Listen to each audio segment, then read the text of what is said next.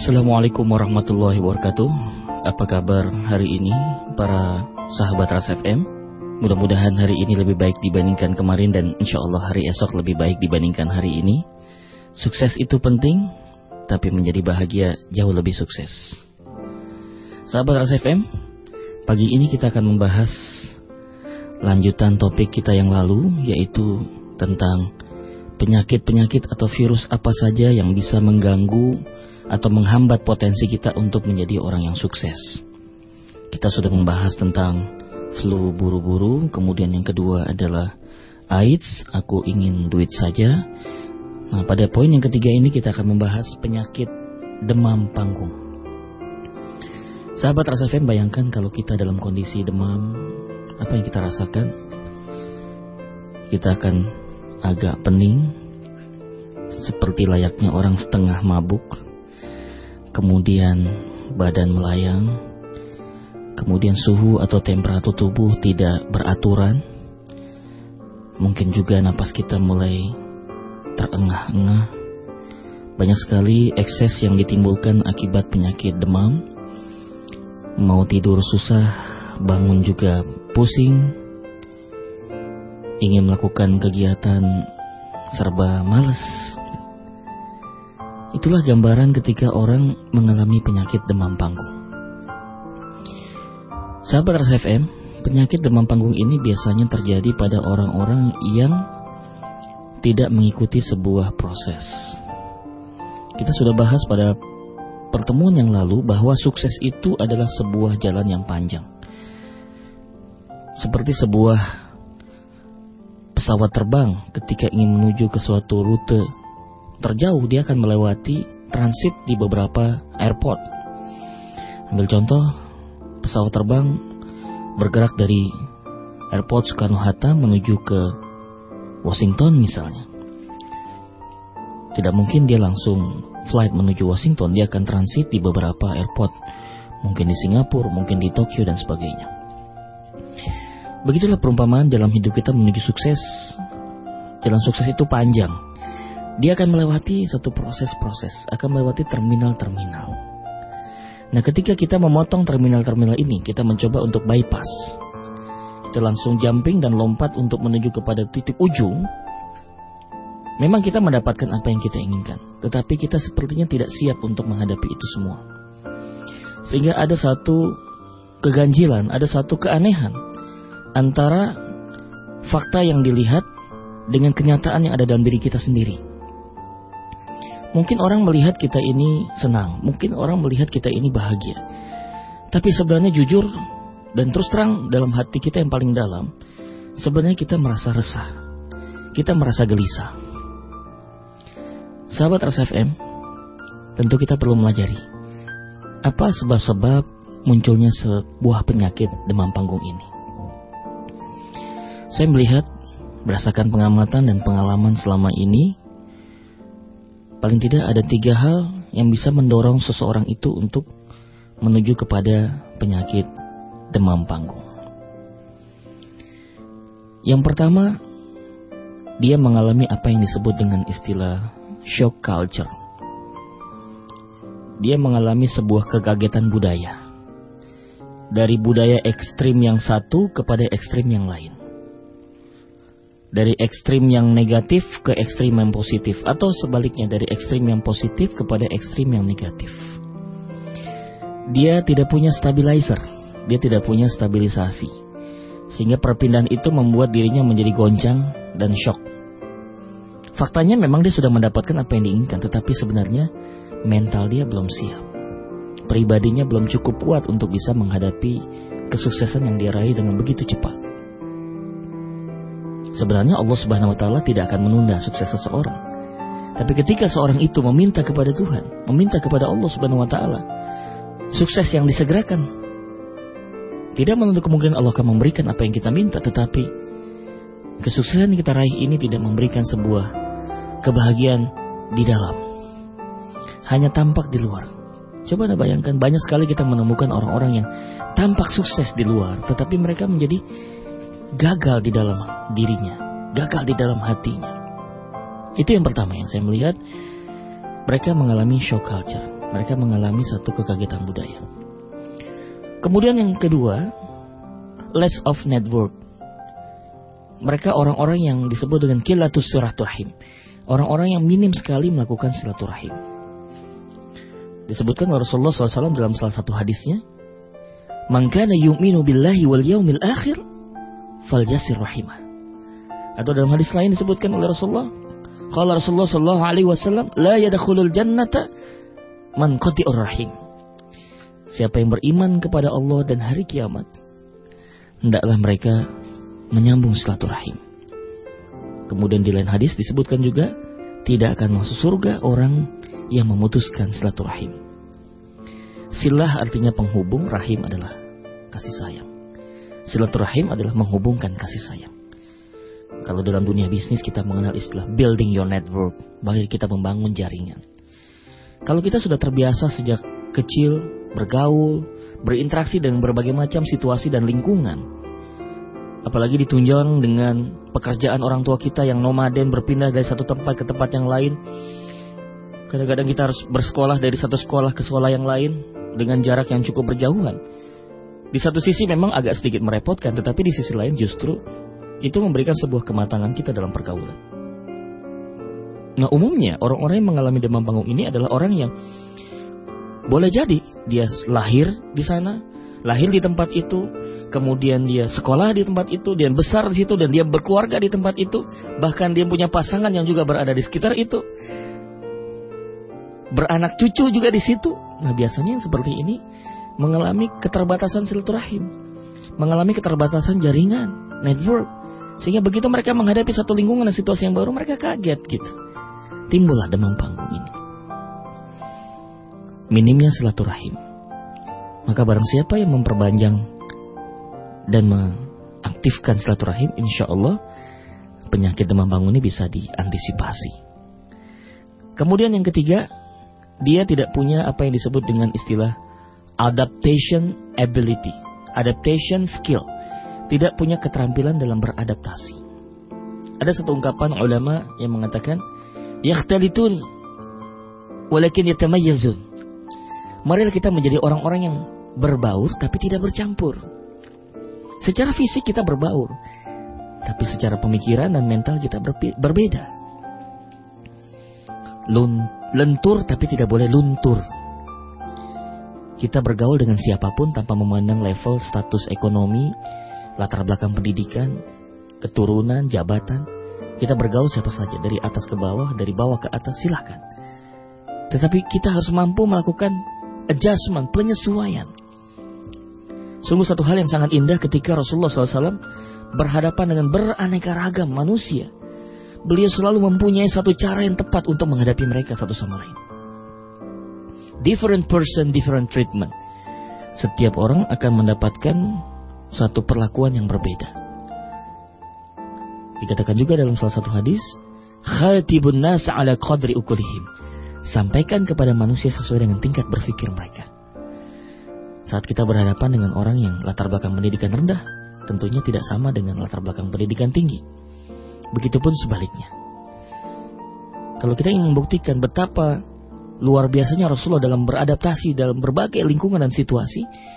Coba kita perhatikan setiap hadis-hadis yang berbicara tentang Ya Rasulullah, ayu afdalul a'mal. Ya Rasulullah, apakah sebaik-baik amal, seutama-utamanya amal? Beliau itu menjawab sesuai dengan kondisi yang bertanya. Jawaban beliau selalu sinkron dengan keadaan orang yang bertanya. Ada seorang bertanya, Ya Rasulullah, apakah amal yang terbaik? Beliau menjawab, berbuat baik pada ibumu. Ada lagi orang yang bertanya ya Rasulullah, perbuatan apa yang paling baik ya Rasulullah dalam hidup ini? Beliau menjawab, jangan berbohong. Ada lagi yang datang, ya Rasulullah, amalan apa yang terbaik ya Rasulullah? Beliau menjawab, berusaha dengan tangan sendiri, tidak boleh bekerja untuk orang lain. Coba berusaha untuk diri Anda sendiri. Ada lagi yang bertanya, ya Rasulullah, amalan apa yang paling bagus? Berjihad di medan tempur dan Anda syahid. Selalu Rasulullah punya stok jawaban yang berbeda-beda terhadap orang yang dihadapi. Ini sebuah gambaran, sebuah isyarat betapa beliau memiliki kemampuan, keterampilan beradaptasi yang sangat luar biasa. Sehingga menghadapi situasi dan lingkungan berbeda dia siap. Nah, ketika terjadi demam panggung itu sebabnya adalah karena dia tidak punya keterampilan beradaptasi dengan cepat. ada semacam lagging, ada semacam keterlambatan di dalam bersesuaian dengan lingkungan. Dan seperti apa kita bisa beradaptasi itu, kita akan sambung setelah pesan-pesan berikut ini. Sahabat RSFM, kembali lagi kita dalam pembahasan tentang penyakit demam panggung yang dapat menghambat dan menumpulkan potensi kita. Jadi kita sudah membahas sebab-sebab munculnya penyakit demam panggung. Sekarang kita ingin coba membahas bagaimana cara kita bisa mengatasi penyakit demam panggung ini. Apa sebenarnya yang harus kita persiapkan sehingga kita tidak memiliki penyakit demam panggung ini? Saya sering menyebutkan dengan istilah atau ungkapan personal personality infrastructure. Personality infrastructure atau kita terjemahkan infrastruktur kepribadian. Jadi sebenarnya yang dalam hidup ini yang penting buat kita sahabat RSFM bukan semata-mata apa yang kita inginkan. Tetapi apakah saya sudah punya kemampuan mengukur kapasitas saya? Kul kullu ya'malu ala syakilati farabbukum a'lamu biman huwa ahda sabila. Disebutkan di dalam surah Al-Isra ayat 84, katakan setiap orang itu berbuat menurut kapasitasnya. Maka sebelum kita melakukan sesuatu, kita harus ukur kapasitas kita. Nah, bicara ukur mengukur kapasitas ini ada tiga kelompok manusia yang disebutkan di dalam Al-Quran. Kelompok yang pertama adalah kelompok yang dia mengambil suatu beban, dia mengambil suatu keinginan, dia mengambil suatu target dan hasil melebihi kapasitas yang dia miliki. Atau yang disebut dengan istilah over capacity. Antara kapasitas yang dimiliki dengan beban yang harus dipikul tidak berimbang. Bebannya terlalu besar, sementara kapasitasnya minimal. Tidak sedikit orang yang seperti ini. Ambil contoh dalam dunia tarik suara misalnya, dunia mu musik misalnya. Dia tidak punya kemampuan bakat di bidang nyanyi, tapi dia punya kesempatan. Kemudian dia paksakan dirinya masuk ke dalam dunia itu, memang dia bisa menjadi penyanyi, tapi bukan penyanyi yang berkualitas. Dia belum cukup siap di dalam personality configuration. Mungkin dia punya bakat menyanyi, tetapi mental dia belum siap. Itu yang disebut dengan over capacity. Melakukan suatu kegiatan atau merencanakan suatu hasil melebihi kapasitas yang dia miliki. Kemudian yang kedua disebut di dalam Al-Quran dengan ungkapan jahil, bodoh. Kalau tadi zolim, mengangkat beban lebih dari kapasitas namanya zolim. Zolim itu maknanya adalah faukul luzum, melakukan sesuatu di luar batas kelaziman, melebihi batas yang tidak masuk akal. Sedangkan yang kedua adalah disebutnya di dalam Al-Quran jahil. Wa kana al-insanu zaluman jahula. Surat Al-Ahzab ayat 72 Allah mengatakan demikian. Dan adalah manusia itu dijadikan bersifat zolim, over capacity yang saya katakan tadi. Dan yang kedua adalah jahula, under capacity. Dia mengambil satu beban di bawah dari kapasitas yang dia punya. Maka disebutnya dia bodoh. Kita punya kemampuan mengambil beban lima, tetapi kita hanya mampu hanya mau mengambil tiga, berarti kita bodoh. Kita punya kemampuan mengangkat sepuluh, mengambil target seratus, tetapi kita hanya mengambil lima puluh. Itu namanya kita adalah under capacity. Berarti kita belum sampai kepada tingkat kesyukuran yang optimal dalam memaksimalkan potensi yang diberikan oleh Allah Subhanahu wa taala kepada kita. Nah, kemudian yang ketiga, tentunya yang kita harapkan adalah Orang yang disebut dengan proportional capacity. Orang yang bisa mengambil beban proporsional dengan kapasitas yang dia punya. Proporsional ini tidak berarti harus sama. Bisa saja dilebihkan sedikit tetapi masih cukup pro proporsional. Ini yang disebutkan oleh Rasulullah dalam salah satu hadis, khairul umur awsatuha. Sebaik-baik urusan adalah yang pertengahan. Rasulullah melarang kita untuk bersifat ghulu, il-inhiraf, berlebih-lebihan dalam satu hal. Kemudian bisa juga kita mengurang-urangi satu hal. Laisa tasyatut wa laisa tasahul. Jangan kita memberat-beratkan masalah, juga jangan meringan-ringankan masalah. Karena Allah Subhanahu wa taala menurunkan Islam dan Quran ini untuk menjadi mudah. Surat Toha ayat 2 mengatakan, "Ma anzalna 'alaikal Qur'an litashqa." Tidaklah aku turunkan Al-Qur'an kecuali untuk menjadi satu hal yang mudah, bukan menjadi sulit. Yassiru wa la tu'assiru kata Nabi. Permudahlah segala urusan, jangan mempersulit. Maksud saya, yang sudah mudah jangan dimudah-mudahkan, juga jangan dipersulit. Artinya kita harus bisa berada pada posisi yang wasatan, posisi yang pertengahan. Tidak selamanya harus moderat, tetapi bagaimana kita bisa proporsional dalam menyikapi satu persoalan. Proportional capacity. Baik, kita kembali kepada personality infrastructure. Bagaimana kita membangun infrastruktur kepribadian. Infrastruktur kepribadian itu kalau boleh diumpamakan sebagai sebuah rumah para sahabat SFM, berarti kita harus mulai bangun dari infrastruktur itu dibangun dari fondasi. Dari fondasi lebih dulu.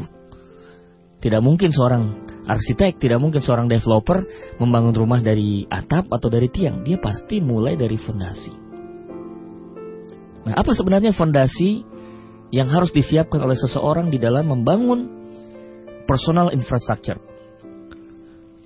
Infrastruktur kepribadian. Ada satu kata yang sangat penting di sini, belief. Anda punya satu keyakinan. The power of belief, kekuatan keyakinan. Kalau orang mengatakan if you think you can, you can. Maka mari kita coba rubah pemikirannya, bukan if you think you can, you can. But if we believe if we believe that there is no impossible everything is possible if Allah will bahwa kita harus yakin tidak ada yang mustahil di muka bumi segala satu sangat mungkin kalau Allah ya sudah menghendaki sebagaimana dikatakan Allah di dalam surat Yasin ayat 82. A'udzu billahi minasyaitonir rajim. Innama amruhu idza arada syai'an ayyakula lahu kun fayakun. Sesungguhnya jika Allah telah mengendaki terhadap sesuatu, maka cukup dia mengatakan dengan kalimat kun fayakun. Pertanyaannya apakah sahabat Rasa FM cukup yakin Apakah Anda yakin sesuatu yang mustahil itu menjadi mungkin? Bahwa sesuatu yang mustahil bagi kita itu menjadi mungkin bagi Allah. Kalau kita meyakini bahwa tidak ada yang mustahil di muka bumi ini segala satu sangat mungkin, berarti kita sudah melengkapi fondasi daripada infrastruktur kepribadian kita. Ini untuk mengatasi orang-orang yang bersikap under capacity. Karena selama ini terlalu merendah-rendahkan kapasitasnya. Dia tidak berani mengambil beban yang besar, tidak berani mengambil resiko karena takut gagal. Padahal dia punya kemampuan untuk itu. Jadi fondasinya sahabat RCFM adalah belief. Ada satu inspirasi yang cukup menarik dari kata belief ini. Be life. Be living. Jadi believing, be itu kan kata kata infinitive. To be menjadi. To believe. To believe artinya tetap menjadi tinggal, artinya tidak boleh ke mana-mana. Kemudian to believe, to be life. Anda tetap tidak boleh ke mana-mana untuk tetap hidup. Anda harus tetap menjadi diri Anda. Tidak harus menjadi orang lain. Be yourself. Believe. Anda harus yakin menjadi diri Anda sendiri. Karena Allah sudah menciptakan manusia dengan bentuk yang terbaik. Laqad khalaqnal insana fi ahsani taqwim. Allah telah menciptakan manusia dengan bentuk yang terbaik. Belief apa yang harus dibangun oleh Anda di dalam kehidupan ini? Satu, tadi sudah saya sampaikan, Anda harus yakin bahwa tidak ada yang mustahil karena Allah itu bagi Allah semua adalah mungkin. Kemudian yang kedua, Anda juga harus yakin bahwa bersama kesulitan ada kemudahan, bersama kesuksesan ada kegagalan. Dan sekaligus juga Anda harus yakin bahwa menjadi diri sendiri jauh lebih baik dibandingkan berada pada bayang-bayang orang lain. Karena kita akan merasa risih dan canggung kalau kita membawa pribadi orang lain di dalam diri kita. Tapi kalau kita membawa pribadi diri kita sendiri tentunya kita tidak akan merasa risih dan canggung. Kemudian yang kedua adalah tiang. Setelah kita membangun fondasi, maka kita bangun tiang. Tiang-tiang apa sajakah di dalam infrastruktur kepribadian? Kita akan sambung setelah pesan-pesan berikut ini.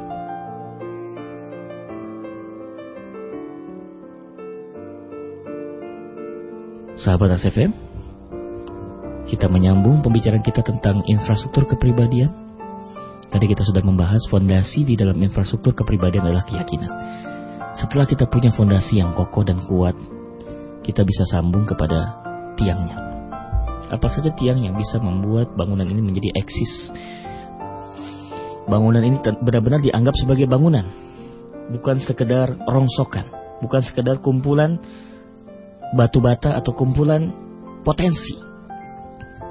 Baik, yang pertama adalah kemampuan atau kompetensi. Anda perlu mengenali apa sebenarnya kompetensi dan kemampuan Anda. Karena setiap manusia diberikan Allah keunikan. Berarti setiap orang pasti punya keterampilan yang unik, punya kemampuan khusus yang tidak dimiliki orang lain. Kalau hari ini kita belum menjadi sukses, itu bukan berarti karena kita nggak punya kemampuan, tetapi kita belum mengenali kemampuan kita yang sesungguhnya. Masih tersembunyi. Tugas kita adalah menemukan dan memunculkan serta mengembangkan kemampuan itu atau kompetensi itu. Di dalam hidup ini kita menemukan beraneka ragam kompetensi. Pastikan Anda mengetahui mana kompetensi utama dan mana kompetensi pendukung. Seringkali saya menemukan ada orang-orang yang menganggap kompetensi pendukung itu kompetensi utama mereka.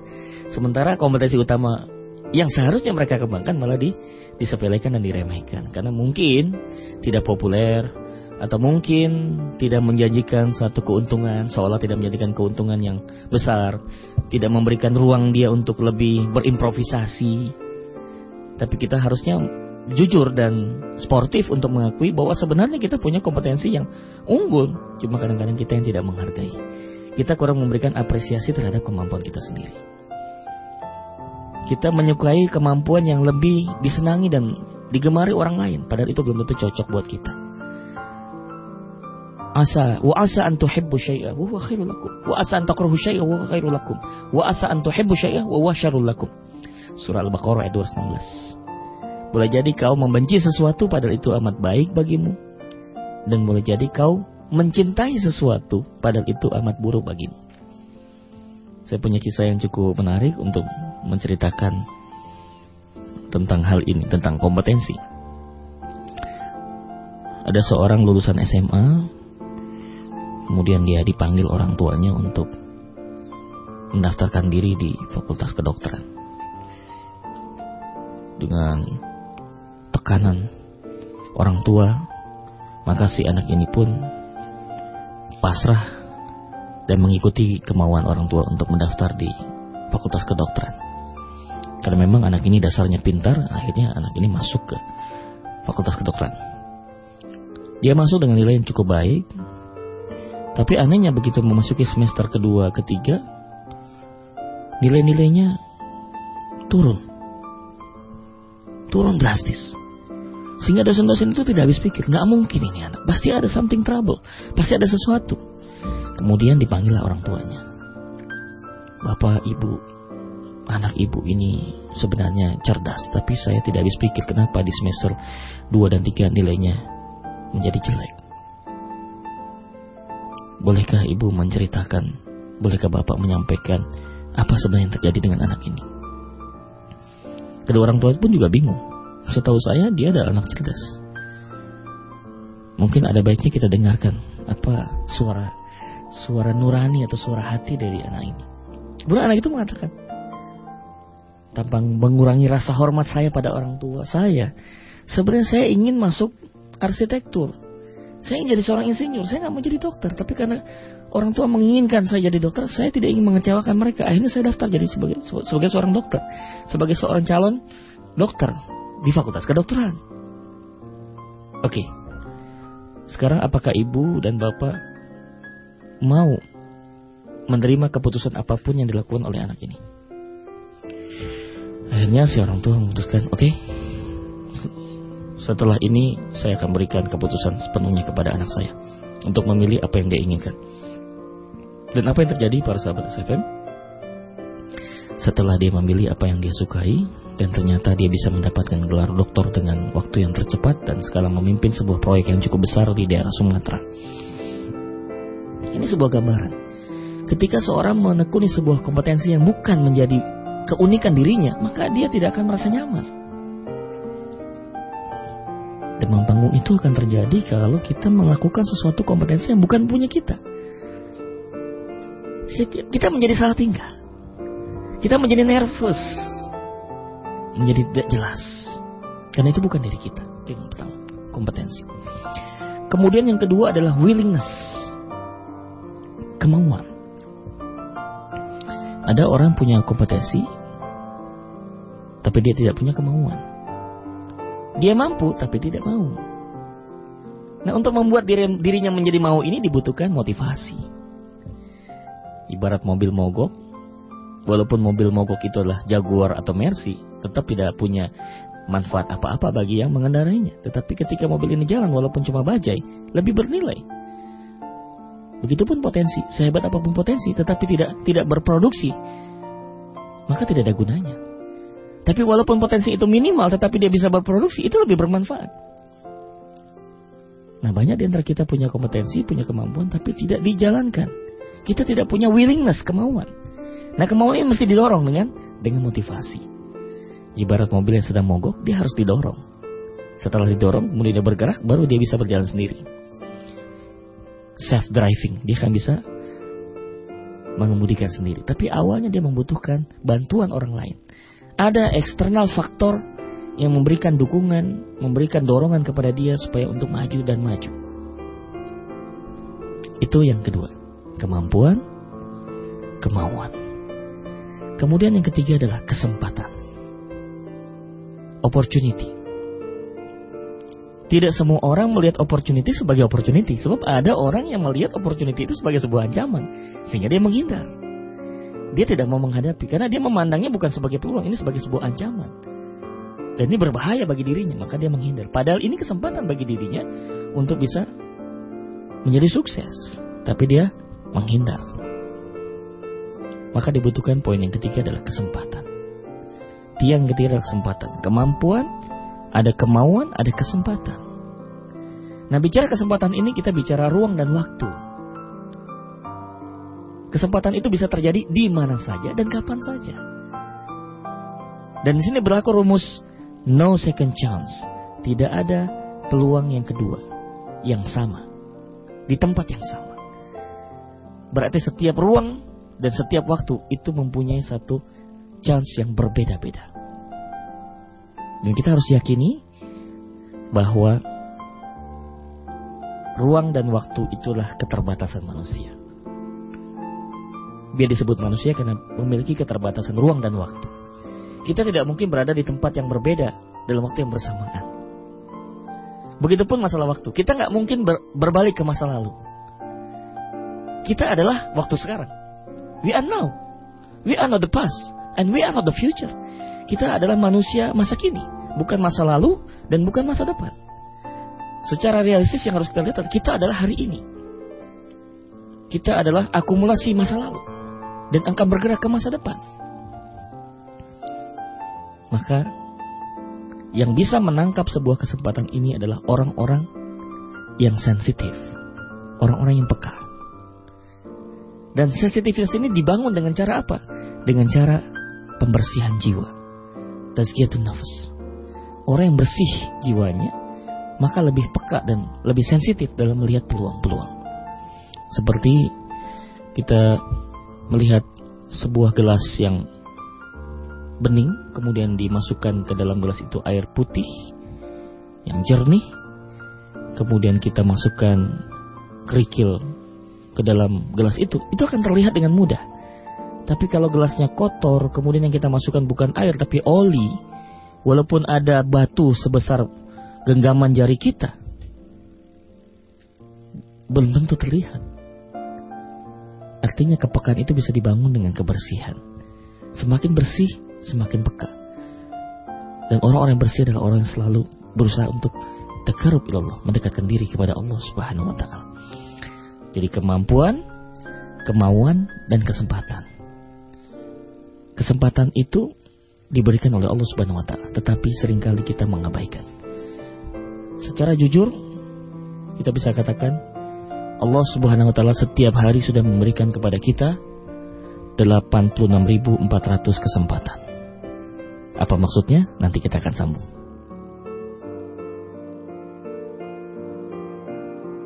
Sahabat RSFM, kita sudah berbicara tentang tiang, kemampuan, kemauan, dan kesempatan. Dan tadi juga saya katakan bahwa Allah Subhanahu wa taala sudah memberikan kepada kita setiap hari 86.400 kesempatan. Mungkin Anda akan heran. Apakah benar setiap orang mendapatkan jatah kesempatan yang sama? Iya. Dengan jumlah yang sama. Cuma kadang-kadang tidak semua orang bisa menangkap itu menjadi sebuah kesempatan.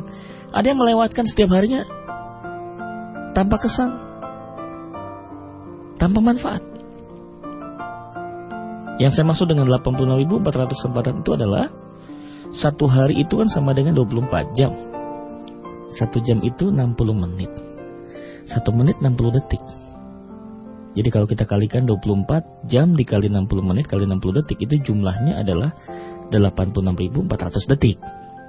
Jadi sebenarnya setiap detik yang kita lewati itu adalah peluang. Opportunity. Pertanyaannya, berapa persen dari 86.400 detik itu yang bisa kita ambil sebagai peluang? Itu adalah keputusan Anda. That is your decision. Itu adalah keputusan Anda.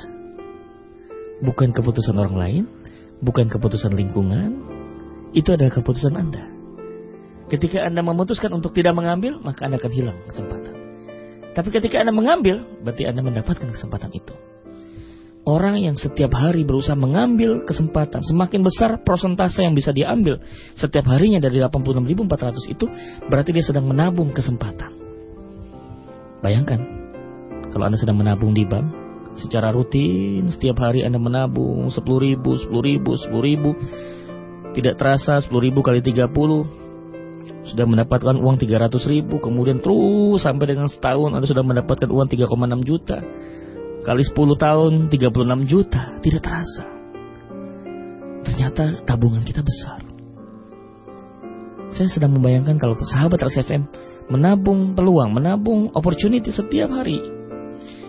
Berapa persen kita terus tingkatkan? Oke, hari ini kita hanya bisa menangkap 10 peluang. Enggak apa-apa. Besok kita ambil 15, terus 30. Lama-lama kita punya tabungan kesempatan, tabungan opportunity yang luar biasa banyak. Gelembung peluang dan kesempatan ini tinggal kita pecahkan. Ibaratnya bola atau balon, di balon Anda ini sudah banyak sekali berisi peluang-peluang dan kesempatan. Tinggal satu yang Anda harus lakukan. Yaitu atap. Nah, ini ada atap. Jadi ada personality configuration itu ada ke personality infrastructure itu ada fondasi sudah keyakinan, kemudian ada tiang, kemampuan, kemauan dan kesempatan. Nah, kemudian ada atapnya. Atapnya itu adalah action. Bertindak. Karena balon ini semakin besar, tapi kalau tidak dipecahkan, kita tidak tahu apa itu kesempatan itu bisa menjadi positif atau negatif, kita nggak tahu. Maka Islam mengajarkan kita adalah beramal, beramal. Al-Islam itu dinul amal, din amal agama yang memerintahkan kita untuk berbuat, berbuat, dan berbuat. Bahkan Allah mengkritik keras orang yang hanya berbicara tapi tidak pernah mengerjakan. Umat Islam adalah bukan kelompok NATO, no action talk only. Umat Islam adalah kelompok yang selalu action, action, dan action. Maka orang yang sukses itu orang yang tidak hanya beriman tetapi dia beramal soleh. Senantiasa beramal soleh. Nah, di dalam action ini kita menemukan ada beberapa hal. Agar action yang kita lakukan itu bisa menghasilkan manfaat yang besar bagi kehidupan kita, manfaat yang besar bagi rumah tangga kita, manfaat besar bagi usaha Anda. Maka ada hal-hal yang harus diperhatikan. Yang pertama, Anda membutuhkan al-jiddiyah. Anda membutuhkan satu kesungguhan. Sebab ada orang yang bertindak tapi tidak sungguh-sungguh. Hanya sekedar bergerak, hanya sekedar berjalan, hanya sekedar mengerjakan. Istilahnya seadanya. Anda mau terima, Alhamdulillah nggak terima ya sudah. Ini yang seadanya. Kita tidak seperti itu. Bukan sekedar iseng. Kita bergerak dan bertindak bukan sekedar iseng. Daripada tidak ada kerjaan. Daripada bengong, daripada malam. Tidak. Dibutuhkan satu kesungguhan. Seorang anak kecil yang meminta uang kepada ibunya sambil tangannya diletakkan di belakang sambil dia melengos di hadapan ibunya. Tidak mungkin ibunya akan memberikan uang kepada si anak ini. Tapi coba bayangkan ketika anak ini sungguh-sungguh berlutut di depan ibunya sambil mengangkat kedua tangannya kemudian memohon memohon dengan sangat kepada ibunya. Mengelus-ngelus tangan ibunya, apa yang terjadi? Mungkin anak itu minta seribu rupiah dikasih sepuluh ribu. Pernahkah Anda berusaha untuk mengemis di hadapan Tuhan? Pernahkah Anda berusaha untuk merengek di hadapan Tuhan? Mintalah dengan sungguh-sungguh. Boleh jadi selama ini kita tidak mendapatkan apa yang kita inginkan karena kita tidak serius. Kita tidak serius minta kepada dia. Kita harus serius meminta kepada dirinya. Karena orang yang sungguh-sungguh itu akan lebih diperhatikan.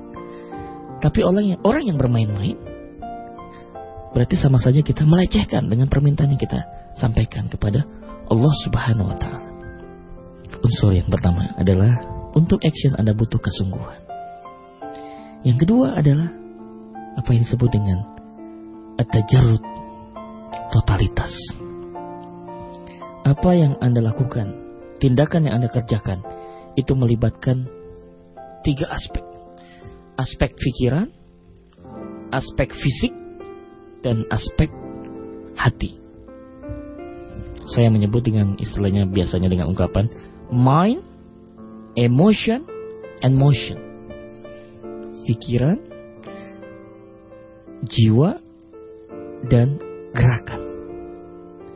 Karena kita juga adalah menemukan seorang yang bertindak tidak sinkron antara pikirannya, gerakan fisiknya, dan perasaannya. Dan ini tidak akan powerful, tidak akan powerful.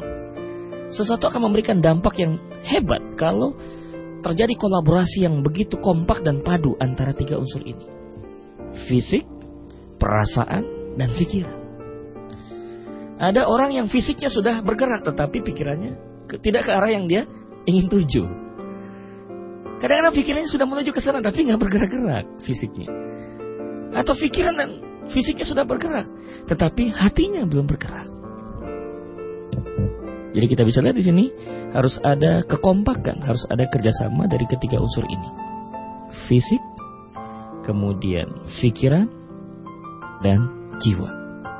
Dikolaborasikan, dibuat menjadi padu dan harmonis, sehingga kalau ini dikumpulkan, dia akan mencapai satu kekuatan yang sangat luar biasa.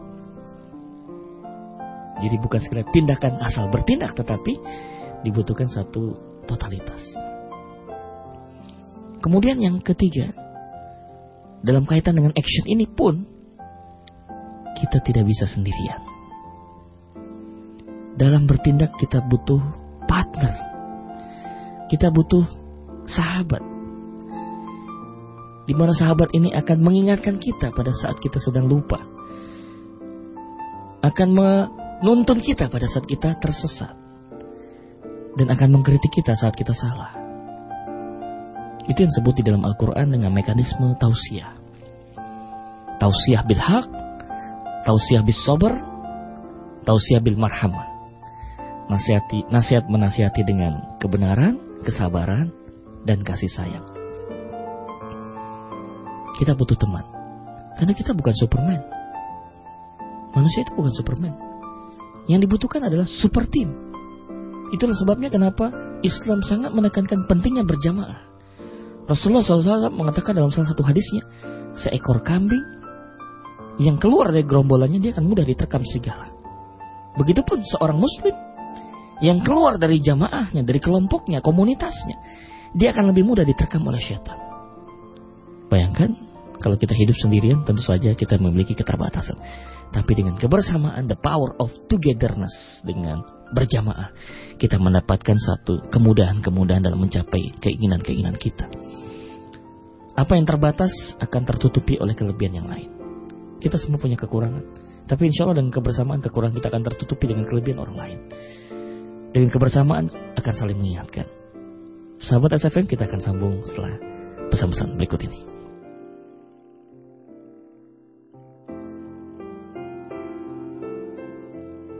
Sahabat SFM, di penghujung acara kita tentang bahasan penyakit demam panggung ini, saya ingin mengajak Anda semua untuk sama-sama merenungkan sebuah tuntunan doa yang diajarkan oleh Nabi kita Muhammad SAW. Dan tentunya saya berharap ini bisa kita amalkan dalam keseharian kita. Dan biasanya Nabi mengamalkan doa ini setiap pagi dan petang ba'da subuh wa ba'da maghrib. Beliau selalu membaca tiga kali doa ini. Karena kita tahu manusia boleh berusaha, tapi Allah yang menentukan. Agar Allah mau memberikan ketentuan yang positif, ketentuan yang baik kepada kita. Kita mohon kepada dia. Mohon dengan kesungguhan, mohon dengan totalitas. Di mana isi daripada doa ini memberikan jawaban tuntas terhadap penyakit yang kita derita penyakit demam panggung. Insya Allah dengan doa ini di samping usaha keras kita dan juga doa yang tidak pernah putus, Allah akan selalu jaga kita untuk selalu memiliki personality infrastruktur, mempunyai infrastruktur kepribadian yang kuat dan kokoh sehingga tidak terjebak oleh berbagai macam tekanan-tekanan dari luar. Kita siap menghadapi berbagai macam ancaman, tantangan, hambatan, dan gangguan. Bunyi doa yang diajarkan oleh Nabi kita Muhammad SAW adalah Allahumma inni a'udzu bika minal hammi wal hazan wa a'udzu bika minal ajzi wal kasal wa a'udzu bika minal jubni wal bukhl wa a'udzu bika min ghalabati dain wa qahri rijal. Ada enam hal yang disinggung oleh Rasulullah di dalam doa ini Allahumma ya Allah, ini sesungguhnya aku, a'udzubika berlindung minal hammi wal hazan dari perasaan pesimis wal hazan duka cita kecewa. Wa a'udzubika minal ajzi wal kasal dari sikap yang lemah wal kasal malas. Wa a'udzubika min ghalabati dain dari hutang wa rijal, orang yang menagih hutang. Insya Allah, kalau kita baca ini tiga kali setiap pagi dan petang akan membantu kita menjadi pribadi-pribadi yang lebih tangguh. Bahkan Anda bisa tambahkan juga dengan doa yang pernah diamalkan oleh Nabi Musa alaihissalam ketika berhadapan dengan Fir'aun. Rabbi surahli sadri wa yasirli amri wahlul uqdatam min lisani qawli. Sehingga apa yang kita lakukan senantiasa dalam bimbingan Allah Subhanahu wa taala. Ingat mata yang kita pandang, telinga yang kita dengar, mulut yang kita ucapkan, itu semua tidak lepas semata-mata karena gerakan otot, tapi Allah yang menggerakkan. Wa ma romaita id romaita walakin Allah roma. Bukan kamu yang berbicara, tapi Allah yang membuka dan menutup bibir kita sehingga kita tidak berbicara. Bukan kamu yang memandang, tetapi Allah menggerakkan retina di dalam mata kita sehingga kita bisa melihat sesuatu. Bukan telinga kita yang bisa mendengarkan, tetapi sebenarnya Allah menggerakkan, menyuruh gendang telinga untuk bisa mendengarkan suara-suara. Yakinilah bahwa semua yang ada dalam tubuh kita ini Allah yang menggerakkan kita. Sehingga sikap demam panggung ini tidak akan terjadi lagi dalam kehidupan kita. Dan kita selalu meyakini bahwa kita hidup di dalam bimbingan Allah Subhanahu wa taala. Baik sahabat FM, kita akan berjumpa pada kesempatan STS yang akan datang hari ini lebih baik dibandingkan kemarin. Dan insya Allah saya doakan hari esok Anda lebih baik dibandingkan hari ini. Sukses itu penting dan bahagia jauh lebih sukses. Assalamualaikum warahmatullahi wabarakatuh.